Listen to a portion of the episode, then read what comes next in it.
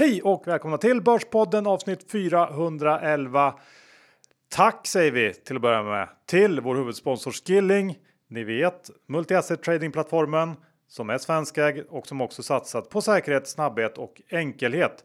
Och John, dessutom så kallas de ju ibland för the home of CFD Crypto Trading. Och det är inte oförtjänt. Nej, det är det faktiskt inte. Och den som följer kryptomarknaden vet hur extremt volatil den är. Nu har krypto backat mycket, men det kan lika fort vända upp igen och då är det fantastiskt att kunna vara snabb på avtryckarknappen via Skillings eh, fantastiska app. Så är det. Eh, volatiliteten är ju extremt hög eh, inom krypto och Ska man köpa någon gång, ja då ska man köpa när det är billigt, inte när det är dyrt. Och eh, kanske är det så att det är billigt just nu, det får vi se.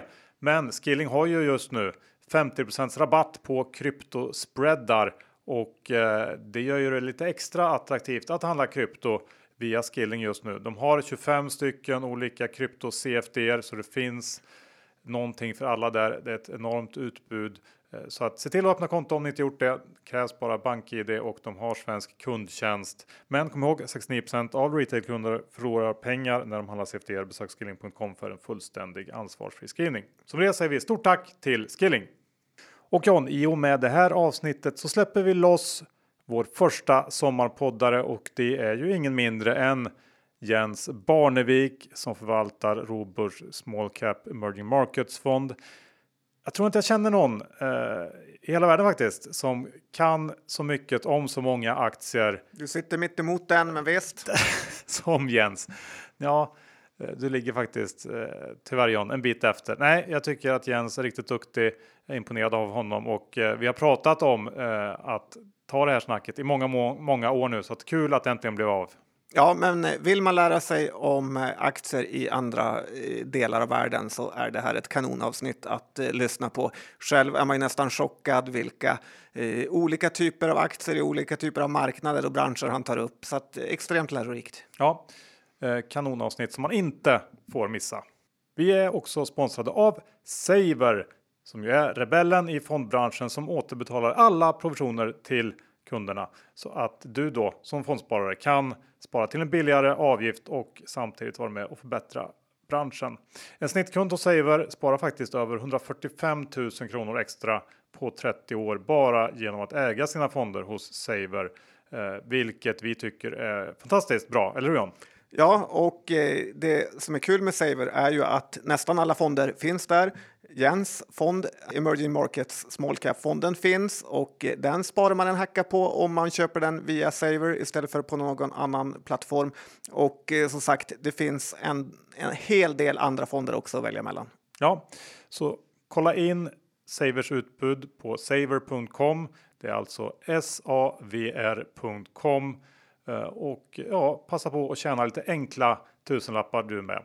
Som det säger vi stort tack till Saver. Jens, välkommen till Börspodden. Tack så mycket. Äntligen får man säga. Det känns som att vi har pratat om det här i, eh, jag vet inte, säkert eh, minst fem år. Ja, som jag har väntat. Ja, det, faktiskt.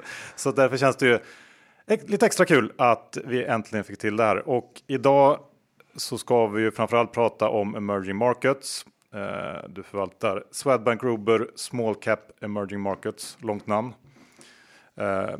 Vi kan väl börja med helt enkelt. Vad är det som, eh, som är intressant med att investera på emerging markets? Mm.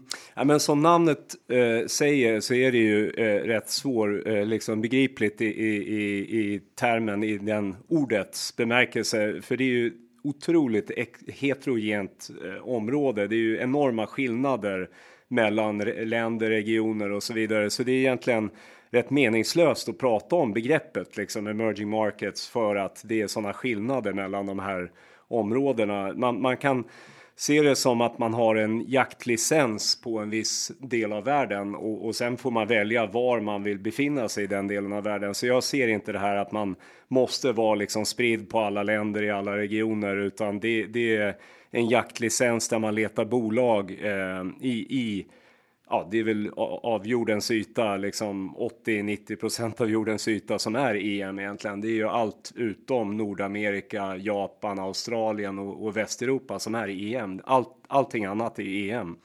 Men har man rätt eh, vapen med sig då? Är det inte lätt att eh, ha fel vapen eh, när det är så otroligt stort eh, område? Nej, det är ju samma. Alltså egentligen så är det ju. Jag har jobbat med svenska aktier framför allt i hela mitt liv och sen har gått över och gjort först Norden och sen globala aktier och sen då EM som jag gör nu. Och, och det jag tar med mig från alla mina tidigare jobb är ju att det skiljer sig mycket mindre åt än vad man kan tro. Alltså ett bolag är ett bolag och en Alltså att titta och analysera ett bolag och vad det är som driver en aktie är ju precis samma sak var man än är egentligen. Så man ska inte överdriva att det är sådana enorma skillnader. För det är, det är ju klart det är skillnader mellan länder och regioner, men, men mellan bolag är det alltså mindre skillnad hävdar jag än vad man, än vad man kan tro. Så man behöver inte vara så orolig egentligen för att investera i andra länder, för det är bolagen man investerar i. Man investerar liksom inte i Erdogan när man investerar i Turkiet eh, som ett exempel. Vad säger du om eh, världens eh, läge just nu då, du som följer nästan allt? Eh, världens läge? Ja, världens läge är ju... liten fråga. ja, en liten fråga. Eh, alltså herregud, det är ju... Alltså efter den här pandemin och hur det kommer se ut när man, när man tar sig ur det här. Eh, det skiljer sig också enormt mellan länderna. Vissa länder har ju skuldsatt sig något enormt och vissa har inte det och vissa var bättre, liksom klarade pandemin bättre och vissa har klarat det sämre så att säga. Så det, och, liksom vad det betyder politiskt med liksom eh, olika politiska skeenden, att, att det, det, populismen växer och, och, och eh, nationalismen växer och, och, frihandeln är hotad och så vidare. Så det, det är såklart det finns enorma eh, grejer man kan oroa sig för på makronivå eh, efter det här. Helt klart. Men, men om man tänker EM som term, då, då, tänker i alla fall jag spontant någon slags grundtes att det handlar om eh, man kanske får, får exponering mot, mot marknader som växer lite snabbare och, och som kanske har lite bättre demografiska förutsättningar, kanske lite lägre liksom, skuldsättning generellt och så där. Eh, det gäller såklart inte alla, alla länder och så, men, men lite så tänker jag. Mm. Eh, är det no, no, någonting som? Eh, ja, det, det, stämmer ju delvis. Alltså om du köper en, liksom en EM indexfond, då får du ju rätt stor spridning i liksom alla länder, alla. Och, och det där med att de växer snabbare. Ja, det stämmer, har väl stämt historiskt. Jag vet inte om det kommer stämma liksom i framtiden riktigt. Så det, det, det är det för eländigt dåliga länder och, och för dålig ekonomi så, så ser det rätt eh, jobbigt ut. Och det är också börsmässigt rätt svårt att investera i de allra fattigaste länderna. Liksom. Det, det finns inga börser och det finns inga bra bolag att investera i. Det finns ofta liksom en bank, en telekomoperatör, en gruva, ett oljebolag. Det finns liksom inte den typen av bolag jag vill investera i i en del av de här allra mest outvecklade länderna. Men får man inte mycket emerging markets även när man köper svenska jo, börsen? Absolut. Typ att du köper Atlas Copco och så har de, säljer de till gruvor i Afrika ja, och så vidare. Ja. Och, och, det är ju samma kan man säga med den här fonden som, som jag förvaltar. Det är, jag tror det är någonstans 70 procent av portföljen är i Taiwan och i Sydkorea och då kan man hävda att det är ju knappt emerging markets alls, de två länderna. Men om man tittar på bolagen som fonden äger i de länderna så är de ju exponerade absolut till emerging markets, för de säljer ju till grannländerna i Asien. Så det även om jag är inte alls så där jättebullish på Sydkoreas ekonomi kommande tio åren. Det behöver man inte vara, utan det är bolagens exponering och det, den, det är ju liksom level 2 egentligen i analysen. Det är ju att titta på vad det får för exponering. Folk har ju varit bäsade på Japan nu i massa år börsmässigt, vilket har delvis varit fel för att japanska bolag är ju, många av dem är ju inte exponerade mot Japan. Man kan ju vara bäsad på ett land, men inte på bolagen i landet liksom. Så det, man får skilja på det där. Och, och, där, och tvärtom då, så, så, som jag nämnde, så är det ju många emerging markets som ser jättespännande ut på makronivå, men som har eh, till exempel Etiopien ser ju intressant ut. Det skulle vara jätteroligt att investera i bra etiopiska bolag eller Vietnam. Ja, Vietnam har lite fler bolag, men, men det är ju många av de här länderna som har jättefina tillväxttal, men där det inte finns någon börs liksom att tala om eller bolag att investera i liksom. Så det är det, det, det, ja, det är mer komplicerat än, än vad det ser ut på pappret. Liksom. Nej, jag tänkte, finns det någon, någon marknad du varit inne i eh, just lite med den, med den approachen, men du har märkt att äh, men det här det här fanns saker som jag kanske inte först såg eh, som, som gör ja. att det inte ja, funkar. Faktum är att eh, fonden var eh, i, i, i startskedet så hade vi ett investmentbolag i, i Burma faktiskt och eh, den, den, den sålde jag ut. Jag hade ingen aning om att det skulle komma en, en kupp i landet och hela ekonomin skulle krascha. Men, men, men det är, absolut finns det sådana fall. Vi har haft um, Ja, Sydafrika är ett sånt där land jag har blivit besviken på också där jag haft eh, investeringar i men, men sålt, sålt ut mig för att jag eh, börjar bli eh, mer orolig, orolig för landet. Eh, så det finns flera sådana fall där, där landsrisken, jag, jag, var rätt entusiastisk i början till Pakistan också, tittar rätt mycket på Pakistan och, och det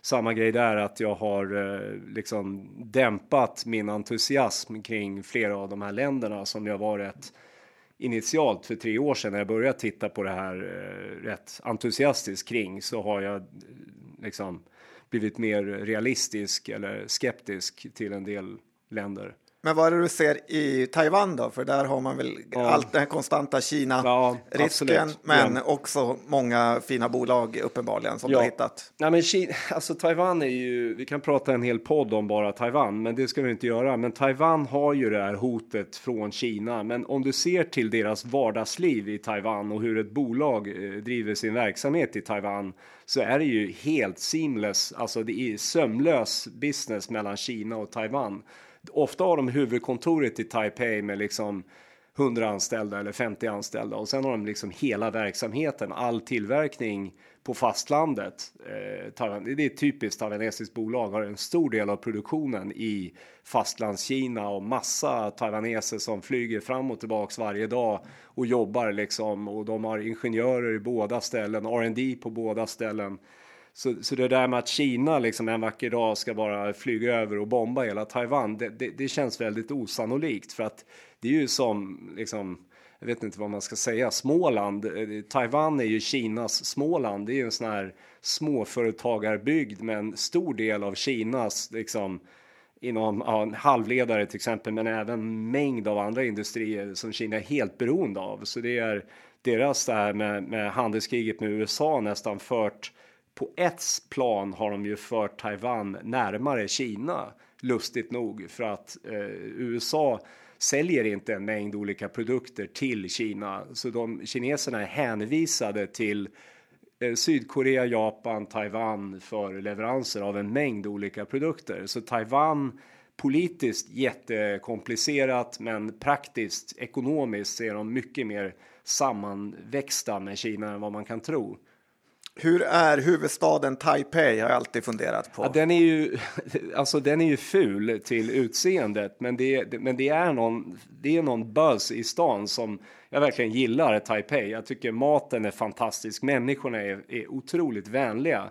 Det är någon slags blandning mellan japaner och kineser. De är liksom rätt gammaldags på ett sätt, hövliga, de, de är vänliga mot varandra i tunnelbanan, i bussarna och sådär. Det, det det finns en slags gammal konservativ kinesisk stil där som du inte ser i fastlandskina och en pålitlighet som är högre också tycker jag. Där är mina liksom, förutfattade meningar. Men, men jag tycker att det jag har sett vad gäller ärlighet eh, är, är, är, imponerande på, i Taiwan. Jag har inte sett några företags eh, frauds, några lurendrejare och eh, sådär som man kan se på många andra ställen i Asien.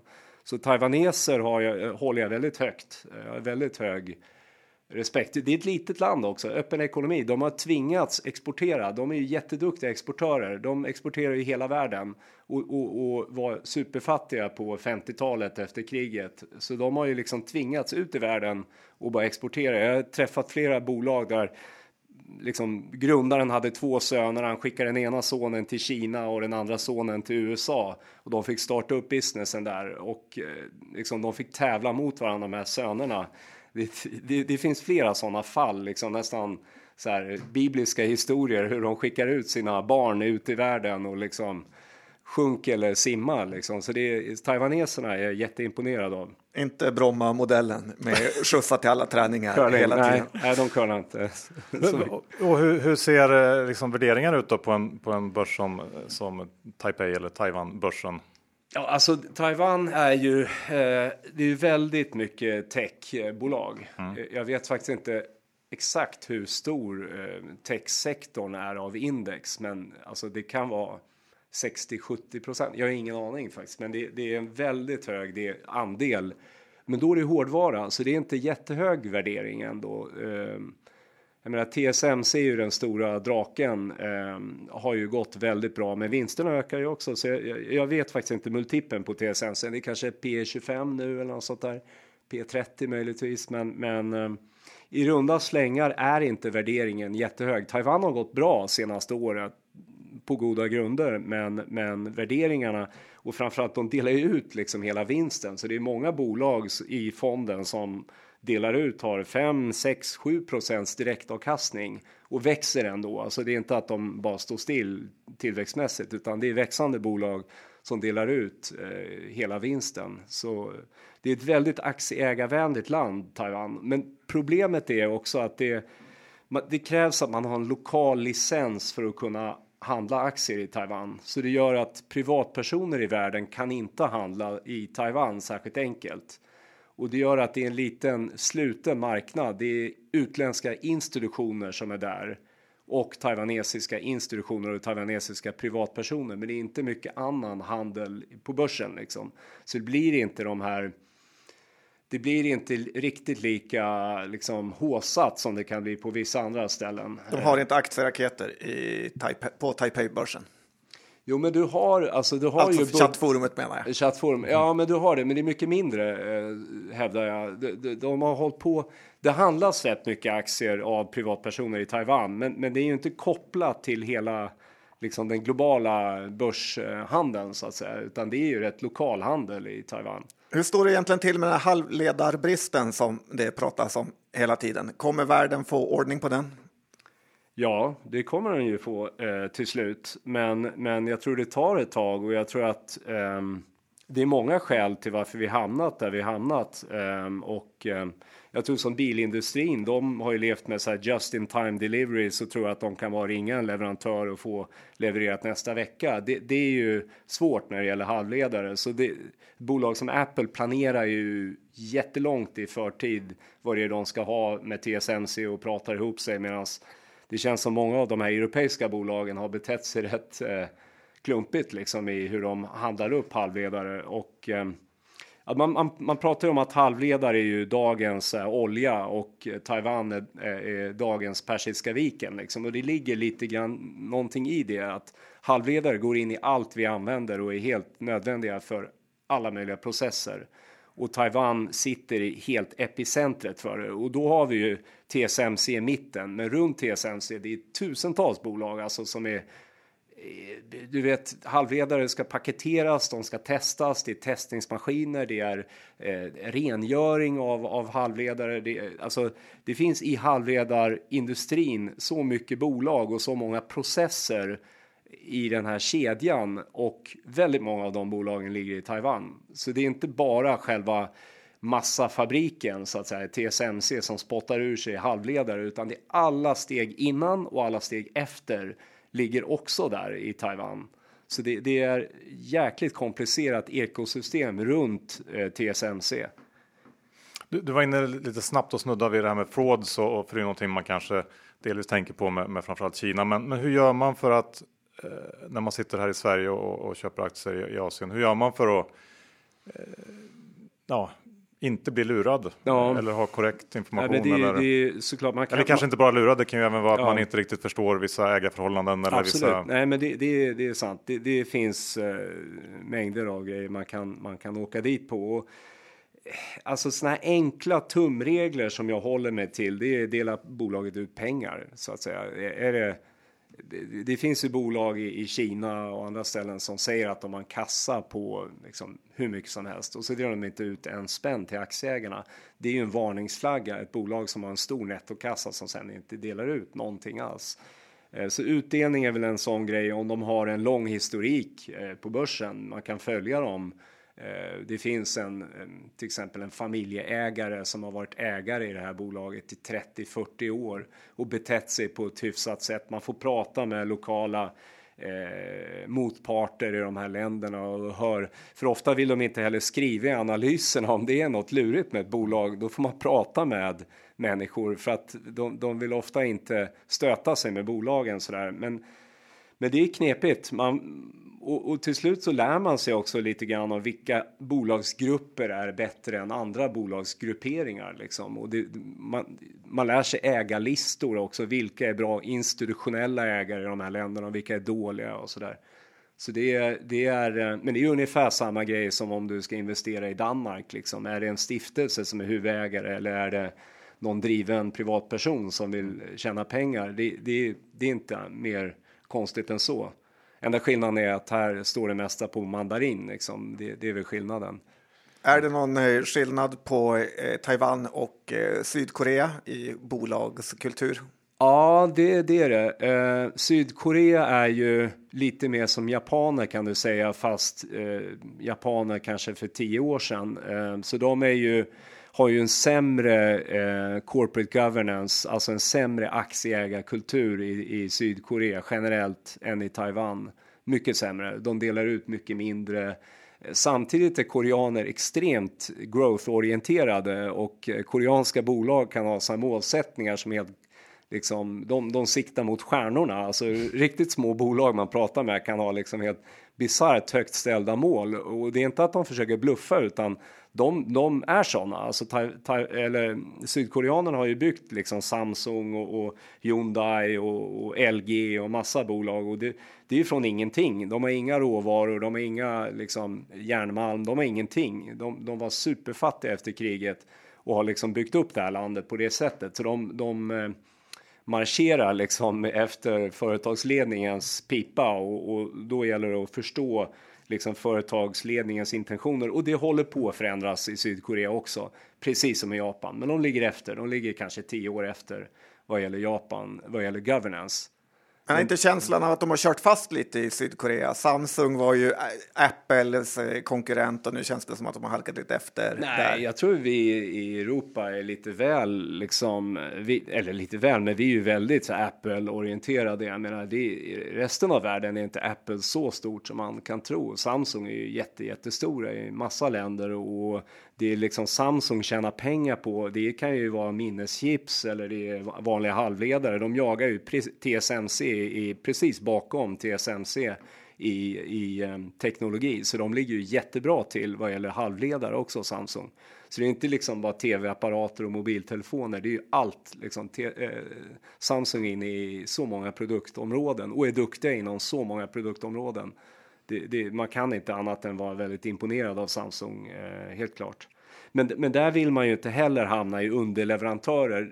I, i, ni vet i Japan har de det här Keiretsu-systemet där du har liksom ett Toyota och så har de sina liksom halvägda börsnoterade underleverantörer. Samma grej har du i Korea. Chebollerna heter deras företagsgrupper och där vill du inte hamna under Samsung liksom för Samsung styr helt och hållet din lönsamhet och, och vad du ska tjäna så att säga. Så det, det är liksom börsnoterade vasaller liksom till Samsung och Hyundai och LG och så där. Så det, det gäller att hålla tungan rätt i mun där när man i Sydkorea så, så man hamnar rätt i, i värdekedjan liksom. Men när du åker på företagsbesök, har du varit på det i Sydkorea? Ja. Hur blir man emottagen då? Ja, jag ska säga de, de är de är lite försiktiga liksom, för de vet inte riktigt. De har en lite misstänksam läggning, för de är dåliga på engelska. De kulturbarriärerna, kulturbarriärerna är, är ju klart större i Sydkorea än vad de är i Taiwan. Taiwan är ju litet, de är mycket bättre på engelska i Taiwan än vad sydkoreaner är. Så det, det skiljer sig jättemycket åt. Man får ofta ha tolk i Sydkorea och tolk, bara att ha en tolk gör ju att en hel del filtreras bort. Liksom. Man kan få ett svar som är så fem minuter långt och så får man, säger tolken liksom två ord som svar. Så då, då begriper man ju att man har missat en hel del i, i translation. Liksom, att, ja, det här begreppet lost in translation är, är verkligen eh, aktuellt i Sydkorea. Så det, det, är, det är komplicerat Sydkorea ska jag säga. Jag har gått fel i ett par sydkoreanska bolag där jag har, har insett att företagsledningen jobbar inte för aktieägarnas bästa. Eh, det har hänt. Men, men eh, Japan då, där har du inte så, så stor exponering? Jag har ett innehav i Japan, Ulvax, som är faktiskt konkurrent till Atlas Copco på vakuum. Eh, de gör mm. renrum till halvledarindustrin. Eh, vakuumpumpar gör de. Um, och är då leverantör till Kina. Så du har ju, jag får äga bolag listade i utvecklade länder om de har mer än 50% av försäljningen i EM. Och det, här, det finns en, en rätt många japanska bolag som är framförallt inom halvledarindustrin som är, har en stor del av försäljningen ja, i emerging markets. Mm, så mm. det är ett jätteintressant bolag och en eh, ja, det, jag tror jättemycket på Ulva kommande åren för att de, de levererar också till OLED till koreanerna på OLED utbyggnaden. Så OLED kommer ju växa jättemycket både på mobiltelefoner och tv-apparater. Ehm. Det är den nya skärmen eller? Ja, nya skärmen precis. Ja, och eh, hur är det då med och hur tänker du kring valutor när du håller på i alla de här olika ja, länderna? Ja, precis. Men det är ju som att säga vad du tänker på valutor i Sverige. Eh, det tror jag Brock och, och kompani när, när de var här pratade en del om att det, det är ju eh, helt upp till bolaget hur bolagets valutaexponering ser ut. Så det, du kan ju äga ett bolag eh, i ett land som har all försäljning i ett annat land. Så det, det är mer liksom hur ser den faktiska valutaexponeringen ut istället för landets valutaexponering. Men det är klart, vi har ett innehav i Turkiet, eh, Logo, som är en, ett mjukvarubolag, ett ERP-bolag, affärssystem. Och de har ju 60 eller något sånt i Turkiet, 40% i Europa försäljning. Och den här europeiska delen av försäljningen höll ju uppe eh, försäljningen i, i lira räknat förra året rätt så bra. För liran gick ju åt pipan och eh, så det, kan ju kosta en del valutaexponering om du har liksom ett inhemskt turkiskt bolag där all försäljning är i Turkiet, all vinst är i Turkiet och så faller liran med liksom 40 procent. Då, då, då, då åker man ju på ordentligt. Hur tänker du när bolag går ner? Tänker jag att eh, på svenska börsen när man kanske vågar man köpa mer. Man tänker att eh, det kommer vända. Vågar man det på samma sätt i de här marknaderna som eh, ja, ett minibolag i Sydkorea? Ja, men det beror ju helt på din conviction kring bolaget egentligen. Alltså du, du och, och där kan man säga hur stark conviction kan man ha i Sydkorea när du inte kan prata med företagsledningen på deras hemspråk och sådär. Så det, det, man kan väl säga så här, jag gör det ju inte mer komplicerat för mig än vad det redan är. Jag köper inte in mig i liksom fas 1 biotechbolag liksom eller något sån här eh, digitala utfallsbolag där du har 0 eller 1. Så jag försöker hitta bolag med en, med en affärsmodell som är begriplig och som du verkligen kan förstå. Eh, så det tror jag är liksom A och O med att orka hålla någonting om aktien går emot dig. Eh, så det är väl egentligen svaret. Det är hur stark conviction har du till ditt innehav? Men, men visst, det är ju vissa dagar aktien är 10 och du begriper ingenting. Du hittar ingen information kring det. Du, du eh, liksom, det, det är jättefrustrerande. Och samma sak på uppsidan. Ibland är de upp jättemycket utan några direkta skäl som du kan hitta. Då. Men tradar du runt dina innehav något? Nej, det gör jag väl inte, men däremot så kan jag väl alltså kring det här med conviction om jag känner att någonting är, är värt mycket mer så det är klart att eh, går det ner i pris, liksom aktiekursen så, så kan jag tänka att köpa mer i det, absolut. Om, om storyn håller så att säga, om, om, om storyn inte är bruten så, så kan jag göra det. Och det gör jag ju. Och samma på andra sidan om, om de stiger för mycket och blir eh, övervärderade liksom så, så säljer jag ju och det är ju rätt så tråkigt att behöva göra det. Men, men jag försöker vara disciplinerad på både köp och sälj. Som vi hade ett innehav i, i, i Taiwan som jag verkligen älskar som är sån otroligt bra liksom långsiktig story som gör cykelkedjor som har världsmarknadsandel på typ 70-80% på cykelkedjor i världen. Så kom pandemin. Ni vet ju själva, det går inte att få tag på cyklar nu så aktien är ju upp liksom 150% på ett år eller något sånt och nu handlas de ju på P 25 och de brukar handlas på P 10 12 liksom. Så det är klart att den här, när det blir den typen av uppvärdering av ett bolag som liksom inte växer jättesnabbt, eh, då, då måste jag ju sälja. Alltså, det, det är tråkigt, för jag har lagt ner oerhört mycket tid. Jag har träffat management ett par gånger och, och gillar bolaget, men eh, blir det för dyrt så, så säljer jag. Och ibland lite... gör man ju fel, säljer för tidigt och det har ju hänt kan jag säga. Ja, det var lite cykelhypen man hoppades på i sin hövding-trade, men den nådde inte hela vägen dit. Det här avsnittet sponsras av Tessin, den digitala plattformen som låter privatpersoner investera direkt i fastighetsprojekt utan krångliga avgifter och mellanhänder. Tessins investerarnätverk består av fler än 55 000 medlemmar som tillsammans investerat över 3 miljarder i fastighetsprojekt i Sverige och Finland. Nyligen så finansierades byggnationen av 20 bostäder på Ljusterö i Stockholm via Tessins plattform. 63 av Tessins användare gick ihop och lånade tillsammans ut cirka 15,8 miljoner kronor till en ränta om 8 som säkerhet för det här lånet så ställs både fastighetspant och propieborgen. Och mer om det här projektet och eh, många andra projekt kan man läsa på tessin.com.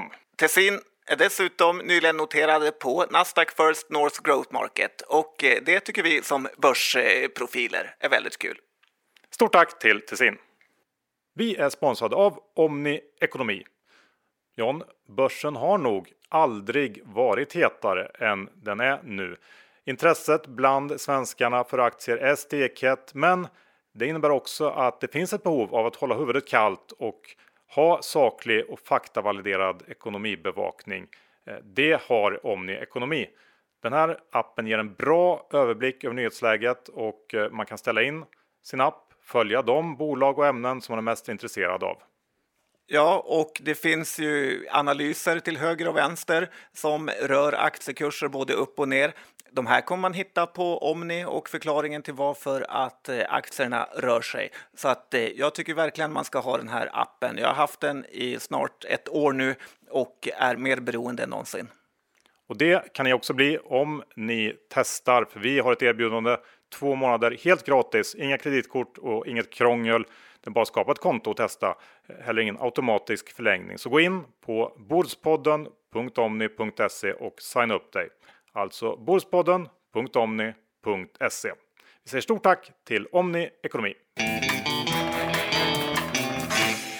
Jag tänkte vi kan, vi kan snart, snart gå igenom eh, ett gäng case, men jag tänkte vi kanske kan börja med att du var vad letar du efter? Vad har du för, mm, eh, för du var lite inne och snudda på det, men, men ja. vad du generellt letar efter? Ja, men det här är ju småbolag, så det, det, det man får leta efter det är ju nisch. Det är ofta nischindustrier, att de är ledare inom en nisch. Det finns ju det här begreppet som jag tycker är rätt trevligt som heter hidden champions, det vill säga att du är ledare som där KMC som jag nämnde cykelkedjebolag. Det är ingen jäkel som har hört talas om KMC för de säljer ju under Shimanos varumärke. Så Shimano köper kedjorna av KMC och säljer. Så du hittar ju, det finns KMC-kedjor, men, men så det är Hidden Champions där du har en hög eh, en, liksom vallgrav runt din affärsmodell. Det är ju liksom basen för det jag letar efter och eh, stryktåliga affärsmodeller som tål, man, man, kan gå tillbaks till tidigare recessioner. Nu har vi ju knappt haft några recessioner i modern tid förutom det här hjärtstoppet vid finanskrisen och det här hjärtstoppet vi hade förra året. Liksom. Ehm, men, men man kan se liksom hur de har betett sig. Vad har hänt när det går dåligt? Att de har en stryktålig balansräkning. För det är ju en sån här grej också som att man har lite mer hängslen och livrem Eh, som investerare när du går in i riktigt små bolag i de här länderna. Så jag, jag vill ju inte ha finansiell leverage också. Eh, så, så, det räcker ju med affärsrisken. Du lever ju med en affärsrisk i businessen. Du vill inte leva med en finansiell risk också. Så jag försöker ju ta bort vissa liksom, risker eh, och, och, det är en rätt enkel risk att ta bort. Att du inte äger överleverade, alltså överskuldsatta bolag Eh, Eh, och då att det ska vara en okej okay värdering. Det behöver inte vara liksom jätte, jättelåg, superlåg värdering, för det är ofta något problem med ett sånt bolag. Det, det får man ju säga, men, men det, det, får gärna vara lite kantstött. Det behöver inte vara jättehypat just nu. Eh, det ska vara ett bra bolag, men det behöver inte vara i, i i senit av aktieägar, eh, aktievärldens attention, deras uppmärksamhet just nu. Så jag försöker leta eh, bolag där det inte är för stort internationellt ägande, till exempel om, om du ser Capital, Fidelity, Schroders, alla de där aktieägare, då kan du ge dig den på att det är rätt så väl då är, reflekteras det ofta i värderingen. Så jag, jag, går ofta ner i börsvärde, går ner under en miljard dollar för det är färre utlänningar som tittar på dem och likvärdiga bolag som är 350 miljoner dollar i market cap och, och bolag som är 2 miljarder i market cap kan värderingsskillnaden vara 10 P-tal liksom skillnad mm. på exakt samma business för att internationella investerare söker hög likviditet, hög likviditet och har krav på sig att det finns så, så det är massa olika sådana här tekniska grejer som jag tittar på också och um, ja, det, det, är väl egentligen det. Så jag, jag letar ju bolag som växer oftast. Man kan säga ett snittbolag som jag har växer 5 till 10% organiskt. Ofta är det inte så mycket förvärv i de här bolagen faktiskt. Det är vissa som förvärvar, men det här som serieförvärvare som vi har i Sverige är rätt ovanligt i de här länderna. Ehm, så 5-10 organisk tillväxt, du har eh, okej okay lönsamhet, stabil lönsamhet och, och, då kan du få dem till rätt bra värdering. Eh, så det, det, jag jagar inte de här högsta tillväxtcasen och inte heller de här som står still, utan det ska växa, men det behöver inte vara liksom 30% topline tillväxt. För är det det, då kan du ge den på att alla tittar på det, den typen av bolag. Och vad är bra värdering då i? Ja, alltså ofta på Ungefär. skuldfri basis, alltså på EV, så, så hamnar det ju, alltså vissa bolag, det är ju, kan ju vara som så här onoterade bolag i Sverige, det är ju EV, ebit multiplar på liksom 5 till 12 12 gånger. Mm. Alltså jag har ju bolag i portföljen som handlas på EV ebit 3, EV ebit 4 för helt okej okay verksamheter. Eh, så det, det det är det som är grejen att du har en, en diskrepans, en värderingsskillnad som är helt enorm i de här länderna när du går ner i market cap. Eh, och, och, det är mindre utvecklade, alltså börs, börsen är mindre utvecklad. Det finns inte Börspodden på samma sätt och Börsveckan och Avanza och Nordnet och den här börskulturen vi har i Sverige. Vi, vi lever ju kanske det mest aktieägarorienterade landet i världen. Och det glömmer vi ibland bort när vi sitter här i Sverige. Men Sverige är ju ett extremt börsorienterat land. Andra länder är ju inte det och det finns inte riktigt den här tusentals småsparare som gräver under varenda sten. Eh, det, det, det är inte lika vanligt faktiskt. Så det handlar det mycket om, om någon slags mognadsfråga och att det här ska över tid som letar sig uppåt mot, mot uh, någon mer västorienterad uh, jag värdering. Hoppas det, jag hoppas det, men det, det får man ju antagligen vara beredd att vänta rätt länge på att du ska få en liksom. Vi pratade Hemnet innan innan vi mm. slog på uh, inspelningen här och uh, vi, vi, äger Hemnet bolaget i Taiwan. ADDCN heter de och de har ju en totalt dominerande marknadsandel i Taiwan på husförsäljningar och de handlas på P14 på 2021 vinst eh, cirka och har 5 direktavkastning. Så du får 5% i handen för att äga den varje år och, och det är P14. Um, ehm, så det, det, det, är ju det vi ser i Sverige är ju. Jag ska säga. Men det låter ju, det låter ju sinnessjukt billigt ändå. Ja. Men beror det på svårigheten att handla Taiwan? För att det här är väl ändå en... Jag tror det. Jag tror att det beror på det. Och sen det här bolaget släpper inga rapporter på engelska. De har eh, ingen tror jag som täcker dem på säljsidan just nu. Det var någon för några år sedan som täckte dem och eh, jag har haft två eller tre möten med dem och de är jättedåliga på engelska. De, det krävs tolk för att prata med IR eh, och CFO som jag har pratat med och ehm, så det, jag tror att det är sådana skäl eh, som ligger bakom den värderingen. Men det den... låter som en no-brainer att köpa de här bolagen. Om ja, det värderas så lågt jämfört alltså, med amerikanska och europeiska bolag. Ja, nej, men jag tycker det. Men jag har ägt den nu i, i sen fondens start och eh, den är ju rätt flat liksom, den aktiekursen. Jag har fått 5% direktavkastning, men jag har inte fått mycket kurstillväxt i just den. Så, så den här no-brainer resonemanget, jag håller helt med om det, men, men man får vara ödmjuk och konstatera att det har inte börsvärdet på det här bolaget är ungefär 300 miljoner dollar, så det är ett litet bolag. Eh, så det, det, ingår inte i några ETF eller index, eh, indexfonder och sådär. Så det, det finns en del liksom bortglömda bolag eh, som är väldigt bra bolag. Men en vacker dag hoppas jag och tror jag liksom den osynliga börshandeln kommer hitta dem. Eh, jag, jag lever ju naivt i den tron att, att felvärderade aktier blir rätt värderade över tid. Men, men ligger, ligger, om man jämför dem med, med hem, Svenska Hemnet, ligger de på något sätt rent bolagsmässigt eh, en bit efter i utvecklingen? Eller hur, hur ja, köper de, man de, hem i? De är ju, jag, jag har bara eh, översiktligt tittat på Hemnet, men Hemnets eh, strategi att upsella, att höja liksom värdet på erbjudandet är, är de ligger lite efter kring det. Jag har verkligen så här pushat dem. Ni kan ju höja priserna. Ni har ju 80 andel i Taiwan liksom på. Eh, ja, jo, men det, det, finns ju någon annan konkurrent som lägger ut gratis och så där, så de är liksom lite segare på det här med att höja priserna. Men, mm. men de skulle kunna göra liksom Hemnets typ av, av um, prishöjningar. Mm. Jag är helt övertygad om det och jag tror att underliggande så växer ju bostadsmarknaden säkerligen rätt lika. Båda är ju mogna marknader, Sverige och Taiwan, så det är ju säkert helt liknande egentligen. Mm. Nu kanske Hemnet går in på eh, taiwanesiska marknaden när de hör det här. Ja, just det. Precis.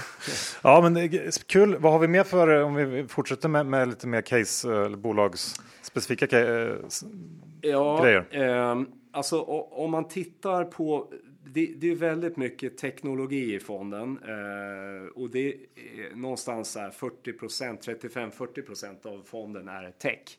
Och då kan man ju fundera över hur, hur funkar det att vara eh, lite värdeorienterad? Ja, det funkar jättebra för att det finns så mycket i Taiwan, Sydkorea, även i Hongkong och, och USA-listade kinesiska bolag som är bra bolag och som ofta är underleverantörer i i eh, liksom 5G-industrin, i eh, serverindustrin. Jag har ett, ett kluster med serverbolag och de är underleverantör till de här cloud-tillverkarna. Så jag kan nämna, i, i det här klustret med serverrelaterat så har vi ett bolag som heter Chembro som gör serverchassin och så har vi ett bolag som heter King Slide Works som gör skenorna där servrarna står i och det låter ju som en otroligt enkel produkt.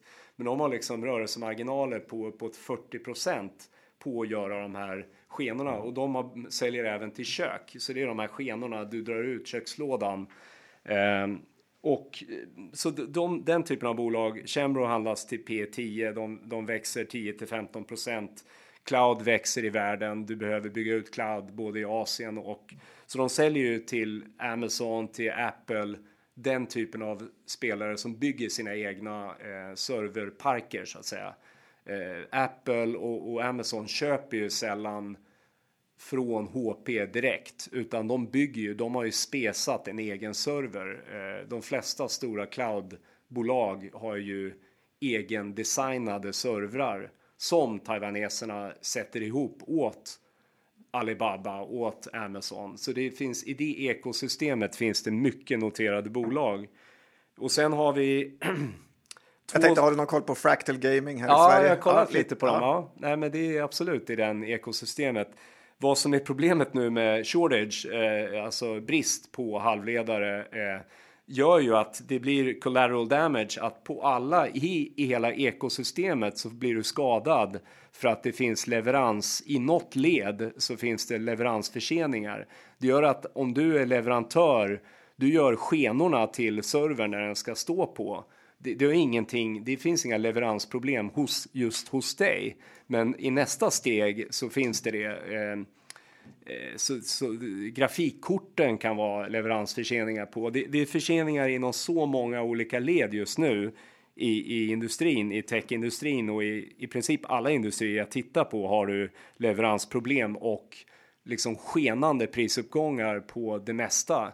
Eh, så så det, det drabbar ju de här bolagen just nu och det kommer att drabba Fraktal också. Det är jag rätt övertygad om utan att jag kan det bolaget så specifikt.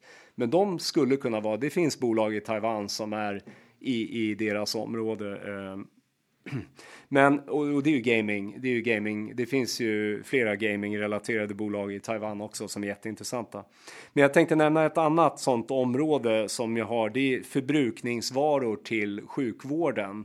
Och där har vi, det är två innehav, Biotech och Pacific Hospital Supply, båda taiwaneser som säljer då till akutsjukvård, till dialys och där delar av businessen har, har ju gynnats av pandemin, men den allra största delen har ju missgynnats för man har ju skjutit på knäled, höftled, all elektiv vård har man ju skjutit på.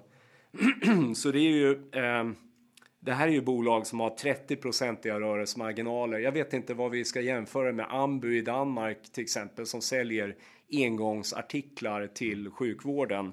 De här bolagen handlas på P14-15 liksom och eh, växer ju ja, 10-15 procent per år organiskt eh, i, i hela världen. Så, så det är typiskt. Och nu dessutom då kanske lite uppdämt eh, ja, framför sig. precis. Jag tror det. Och de har ju inte gått bra heller, för de har ju eh, liksom verksamhetsmässigt drabbats av pandemin. Eh, när den här vårdskulden ska betalas av så tror jag att de har bra år framför sig.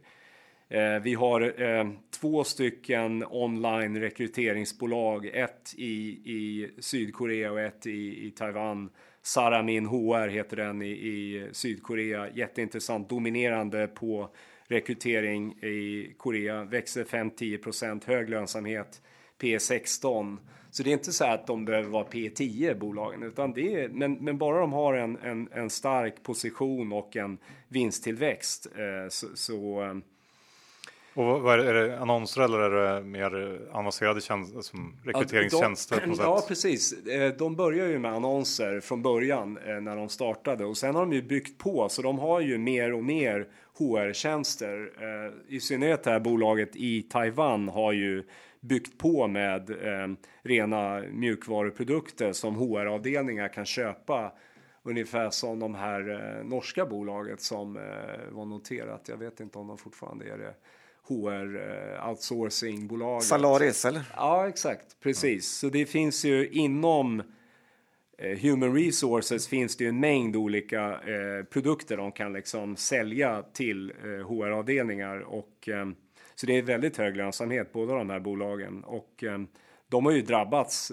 pandemin har ju slagit rätt hårt på rekrytering förra året där, där mm. mycket av de fysiska mötena försvann helt och hållet. Men då har ju mer gått online som, som gynnar dem. Men, eh, det kan man se på svenska börsen med, med SJR och Wise som haft det också ganska tufft. Har du något i den här svensk favoriten Gravity Nej. som är ju varje gång man pratar ja. om den så får man tio upprörda mejl. Exakt. Har du Nej. något koll på det Nej, bolaget? jag har, jag har faktiskt ingen koll på det bolaget. Jag, jag är, eh, jag är ingen gamer själv, så jag, jag eh, har, har ägt, jag har ett spelbolag i eh, Korea och eh, de håller på med social gaming med traditionella eh, koreanska brädspel till en äldre pub publik och det är ett duopol i landet. Det finns två aktörer som håller på med det och det är jättehög lönsamhet men växer då inte lika snabbt antagligen som de här raket som får en men du får inte den här hitrisken i ett bolag som eh, Neowiz heter bolaget. På traditionella brädspel som har existerat i tusentals år så har du ju inte den här hitrisken som du har i ett vanligt spelbolag där du har en release och sen blir det eh, flopp eller flipp liksom. Och, eh, så jag är ju mer benägen att äga ett bolag som tuffar och går, växer 10% per år, 15% per år.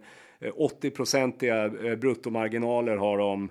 Eh, just det här bolaget handlas på ev ebit 6, P tal 9, det här bolaget Neowiz. Så men brädspel som växer 15 procent är ju ändå imponerande. Ja, det hade man ju inte tippat på. Nej, men det går ju då från eh, offline, att de går till hallar och spelar och sådär, till online. Så det är ju en traditionell liksom eh, traditionellt brädspel som går online. Så du växer ju på online-delen. Jag tror inte liksom det är fler pensionärer i, i Sydkorea som spelar brädspel, utan det är ju att de går från offline till online och det är den tillväxten du ser i bolaget. Men, finns, är några av de här bolagen noterade på amerikanska börsen eller så att alltså, det går att syd, komma över dem? På? Alltså, Sydkorea är det ju inte mycket eh, noterat i USA, eh, vilket är lite konstigt för de är ju väldigt USA-orienterade. Både Taiwan och Sydkorea har inte mycket bolag listade i USA. Jag tror, jag vet inte, men, men jag tror som privatperson Sydkorea är enklare. Jag tror att Avanza Osäker eh, om man kan handla sydkoreanska aktier, men, men man borde kolla upp det i alla fall för att det finns massor med intressanta case i Sydkorea eh, för som jag tycker svenska småsparare skulle kunna äga. Absolut. Vi har ett till bolag i, i, Sydkorea måste jag nämna som heter Africa TV som är ett livestreamingbolag i, i eh, landet och de har ju en marknadsandel på 60-70 och så är det Twitch de konkurrerar med. Eh, och eh, de tar ju också del av reklamkakan när linjär-tv sakta dör så växer ju den här live video streaming tjänsterna. Eh, så ungdomar tittar inte på tv längre så det, är, de tar ju mer och mer och växer bra liksom. Den handlar sig kring P20 eller något sånt, men de växer ju också då 15-20% per år. Mm. Så det är ett jätteintressant bolag, jättebra kassaflöden, också väldigt lite investeringsbehov i verksamheten och sådär. Kan vi inte prata lite om de här bolagen som du har i Europa? Du har ett bolag i Grekland och du har ett i eh, Slovenien. Ja, vi har faktiskt två i Slovenien, eh, men det är i Grekland om vi börjar där. Det är ju Sarantis som är ett, ett konsumentbolag som gör man kan säga det som eh, fattigmans L'Oreal. Eh, så de säljer ju då eh, hårschampo, parfymer i normalt sett dagligvaruhandeln i eh, Östeuropa. Så de är stora i Östeuropa, Grekland och Östeuropa. Men man kan inte hitta, hitta grejerna här i Sverige? Jag tror inte Sarant. Jag har gått igenom deras produktportfölj. Finns inte så fattiga här. Ja, men det finns liksom, de varumärkena känner man inte till som Nej. svensk. Eh, det gör man inte. Men däremot i Ukraina eller Rumänien eller Bulgarien så är de populära. Och de är, det är en serieförvärvare. De är duktiga på att förvärva. Så de köper bolag i Östeuropa. De köper bolag i Ukraina, Polen. Eh, de har även städprodukter. De har eh, eh, du vet, tvättmedel, diskmedel, allt möjligt inom konsument. Och det är ett gammalt bolag. Det grundas i Konstantinopel, alltså i Istanbul när det var, eh, eh när det var grekiskt. Mm. Eh, så de grundades på 1800-talet av, och det är samma familj, Sarantis-familjen, som är huvudägare än idag. Så det, där har du ju en familjeägare som har varit med jättelänge i bolaget. Eh, jätteintressant M&A story i det bolaget. Sen, sen i Slovenien så har vi ju eh, ett bolag som heter Kerka som är en läkemedelsbolag som eh, säljer läkemedel som är, är eh, off patent som inte har pat patent längre och är jätteduktiga på det. Och eh, det är ju en liksom osexig del av läkemedelsindustrin som har haft prispress så länge man kan minnas. Men den prispressen har ju delvis upphört under pandemin. Att du, du har inte samma press neråt längre och priserna har ju gått ner redan på generika eh, så mycket. Så jag tror att smärtgränsen har, har liksom, det har nått smärtgränsen vad gäller produktprissättning i, i Västeuropa på generika. Så, så det, är ett, det är ett jättefint bolag, delar ut en stor del av vinsten, har en stark balansräkning och är duktiga i Östeuropa och Ryssland. Eh, så Kirka har ju en jättestark franchise i Ryssland. De har en egen fabrik i Ryssland. Det är ett av de få läkemedelsbolag som har en inhemsk produktion i Ryssland. Så de har väldigt hög marknadsandel i Ryssland och växer jättebra i Ryssland. Och sen har vi en, en bank som heter NLB i Slovenien som är, är den stora affärsbanken i, i Slovenien som har en strategi att liksom konsolidera Balkan. Så de har köpt en serbisk bank nyligen och eh, har gjort en hel del M&A i, i Balkan som är lite underbanked, som är, är ett område som är lite outvecklat vad gäller banktjänster där de här österrikiska bankerna, belgiska bankerna, det var en massa banker som var i Östeuropa för några år sedan som har dragit Santander och massa västeuropeiska banker var ju i Östeuropa och brände sig under finanskrisen och har ägnat tiden efter finanskrisen och lämna de länderna. Så du har ju en, liksom en lite vit eh, fläck på kartan, eh, Balkan. Men det ska jag säga, det är vår enda universalbank vi har i portföljen, för jag är generellt sett orolig för banker vad gäller liksom fintech som en piraya-svärm som kommer underifrån och käkar på den här valen liksom. Så det, det, jag tror att man ska vara banker. Jag tror inte på någon multipel expansion vad gäller banker, men däremot så tror jag att du kan få en rätt bra vinsttillväxt eh, med, med fortsatt låga multiplar, låga P tal tror jag. Mm. Det är kul. Jag har ju varit i sloveniska beachen en gång, Isola, för mig att någon Kent-låt eller skiva hette så med. Eh, har du något innehav i eh, Sydamerika eller i, eh, ja, där borta? Vi har bara pratat Asien och nu Europa lite. Ja, jag har ett innehav, Genoma Lab, som är som ett eh, mexikanskt Sarantis, eh, som också är ett familjeägt bolag som har konsumentprodukter och även en del Eh, OTC-läkemedel, alltså huvudvärkstabletter och hostmedicin och sådana grejer som de säljer i, i Latinamerika.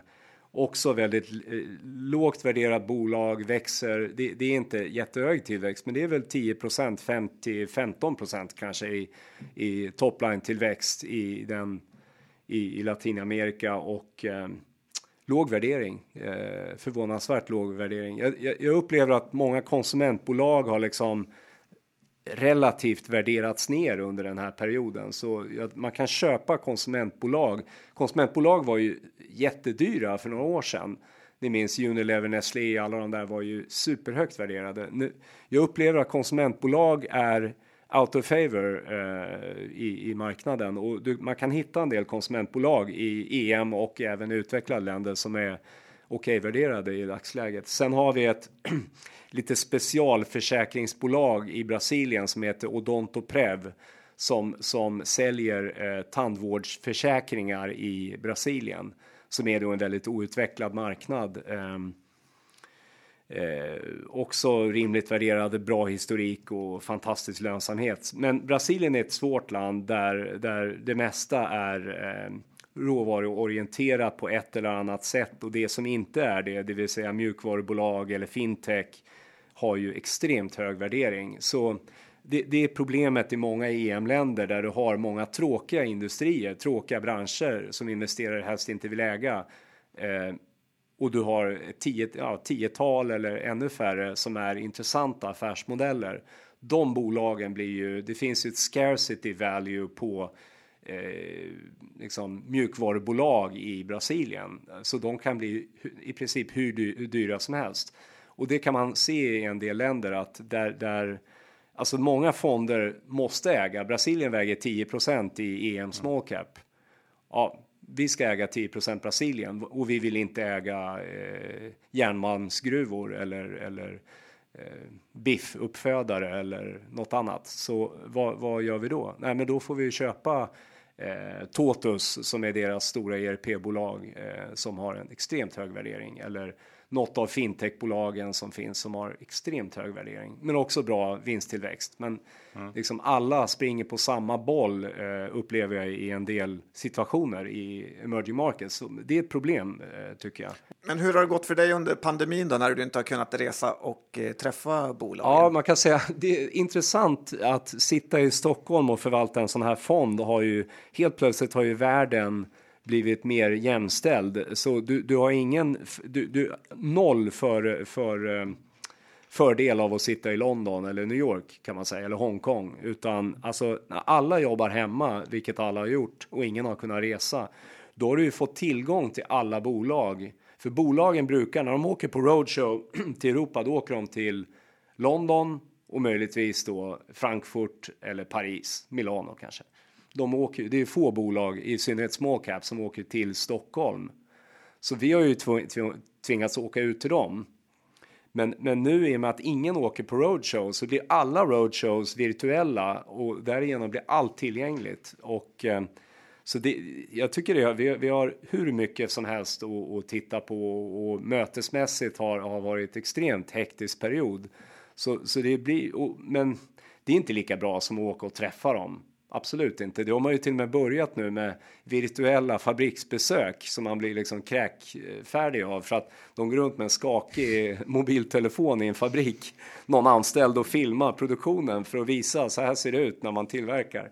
Eh, så det, man försöker på olika sätt skapa virtuella eh, företagsbesök, men det funkar, men det är klart att jag ser fram emot att åka dit igen och träffa bolagen. Men eh, det, det, har varit hög aktivitet och det märker jag bland mina kollegor också som gör globala aktier att det är extremt hög aktivitet. Som jag vet mina kollegor hade liksom fem parallella konferenser förra veckan. Det var Europakonferenser, det var USA, stora USA-konferenser där de körde liksom och någon som hade Japan på morgonen och sen körde Europa på dagen och sen körde USA på kvällen. Så det, det har ju, man kan ju gå liksom på tre konferenser samtidigt som investerare, men det kunde du ju inte förr. Då åkte du liksom till Hongkong och så gick du på en konferens och så satt du där i en vecka och besökte eller gick på presentationer så här. Men nu kan du ju göra det. Du kan ju köra flera spår samtidigt så där så det kan bli. Det, det, det har ju påverkat jobbet rätt mycket kan jag säga, både bra och dåligt där. Jag skulle tycka att det var lite tråkigare att, eh, än att få dricka lite skumpa i Paris eller Hongkong. Ja, jag vet inte hur mycket skumpa vi dricker, men... eh, men Jag vet men, hur mycket jag dricker. Ja. Nej, men det, det är absolut så att det, det är tråkigare, men, men, men det funkar. Det har, det har gått. Det har faktiskt gått förvånansvärt bra eh, det här ändå. Men jag, jag måste nämna faktiskt ett bolag som faktiskt går att investera i eh, för, för svenskar. Inte för att jag ska pusha något innehav. Eh, men, men det finns, vi har ett bolag som är listat på Nasdaq som heter Holysys som är ett kinesiskt automationsbolag. Eh, Säg det igen. Holysys, Holy är tickern, H-O-L-I. Och det här är lite special situation-aktigt situation just nu för att den gamle vdn har gått ut med ett fientligt bud på bolaget på 17 dollar och den handlas i ungefär 14 dollar. Ehm, och, och management försöker kämpa emot det här uppköpet. Ehm, och, och värderingen är galet låg i det här bolaget. Det är alltså P 8, EV ebit 2. Så det, det är eh, extremt låg värdering och de har ju grovt två eh, verksamheter. Den ena är signalsystem till höghastighetståg i Kina och det andra är automation konkurrerar med ABB och Siemens på processindustri i Kina. Och där slänger man ju ut mycket amerikanska leverantörer och europeiska för att köpa kinesiska. Så de har ju en väldigt fin hemmamarknad just nu som växer. Och, men du har en situation med det här uppköpet som är lite krångligt. Så, så jag, jag vill verkligen uppmana om man är intresserad av det här så ska man läsa på ordentligt och se vad det är som gäller. För att det kan ändra sig väldigt snabbt. Och vad tror du kommer att hända? Vad, vad, Jag vet, jag hoppas det här budet inte går igenom för att det är ett väldigt snålt bud på det här bolaget. Det här bolaget skulle vara värt det dubbla eh, eller mer om. För det som händer med kinesiska ADR som är listade i USA, det är ju att de flyttar nu. De flyttar antingen till Hongkong eller flyttar till eh, Shanghai-börsen eller Shenzhen-börsen. Och du kan säga att det finns automationsbolag listade i Kina som handlas på P70 eller 80 som är likvärdiga med det här bolaget som handlas på P78. Så det är ju något fel på den här värderingen och det är ju, man behöver inte vara Einstein för att se att avnoterar du i USA, det har hänt flera gånger med andra bolag där du har köpt, management har köpt ut bolaget, noterat det i Kina två år senare, exakt samma bolag till fem gånger så hög värdering. Så, så eh, jag hoppas det inte går igenom, men, men vi får se. Vi får se vad som händer. Eh, Mm, spännande case. Det här är ju en sommarpodd med och eh, du har ju härjat världen runt. Eh, kan du inte ge det bästa resmålet man kan åka till nu när världen ändå börjar öppna upp lite? Eh, Västra resmålet. Jag har ju blivit mer och mer förtjust i Asien faktiskt. Och apropå det här med Taipei, ett ful stad. Det finns fantastiska stränder i Taiwan som ingen åker till. Eh, ingen utlänning i alla fall åker till. Så jag tycker så här, den dagen Taiwan öppnar, ö, alltså det blir, man kan resa dit, ska man åka dit. För det är, det är verkligen fantastiskt väder, bra mat, trevliga människor, säkert. Det har väldigt mycket för en resenär. Du kan vandra i bergen, det är jätteberget. Så jag tycker Taiwan är en sån där eh, underdog som ingen tittar på egentligen som resmål heller. Eh, det tycker jag är... Lite värdecase resmål. Ja, det är ett värdecase Ja, men det tycker jag låter väldigt absolut. intressant. Ja. Och eh, med det tipset så tror jag att vi rundar av. Jens, stort tack för att du tog dig tid att komma hit eh, och snacka lite EM med Börspodden och våra lyssnare. Tack så mycket. Det var jättekul att komma hit. Slut på avsnitt 411 John och eh, tack Jens och tack vår huvudsponsor Skilling. Som sagt, gå in, ladda ner appen eller eh, öppna ett konto på hemsidan om ni inte redan gjort det. Görs enkelt med BankID och det finns svensk kundtjänst. Men kom ihåg 69% av retailkunder förlorar pengar när de handlar CFDR. Så besök skilling.com för en fullständig ansvarsfri skrivning. John, eh, vad ska vi säga? Inte så mycket mer. Nej, det var kul att lära sig om alla det här eh, antalet aktier som faktiskt finns att köpa om man lämnar den svenska börsen. Ja, Eh, precis. Så att eh, med det så får väl vi bara säga tack för att ni lyssnade och eh, ha en fortsatt skön eh, sommar. Hej då! Det säger vi. Hej då!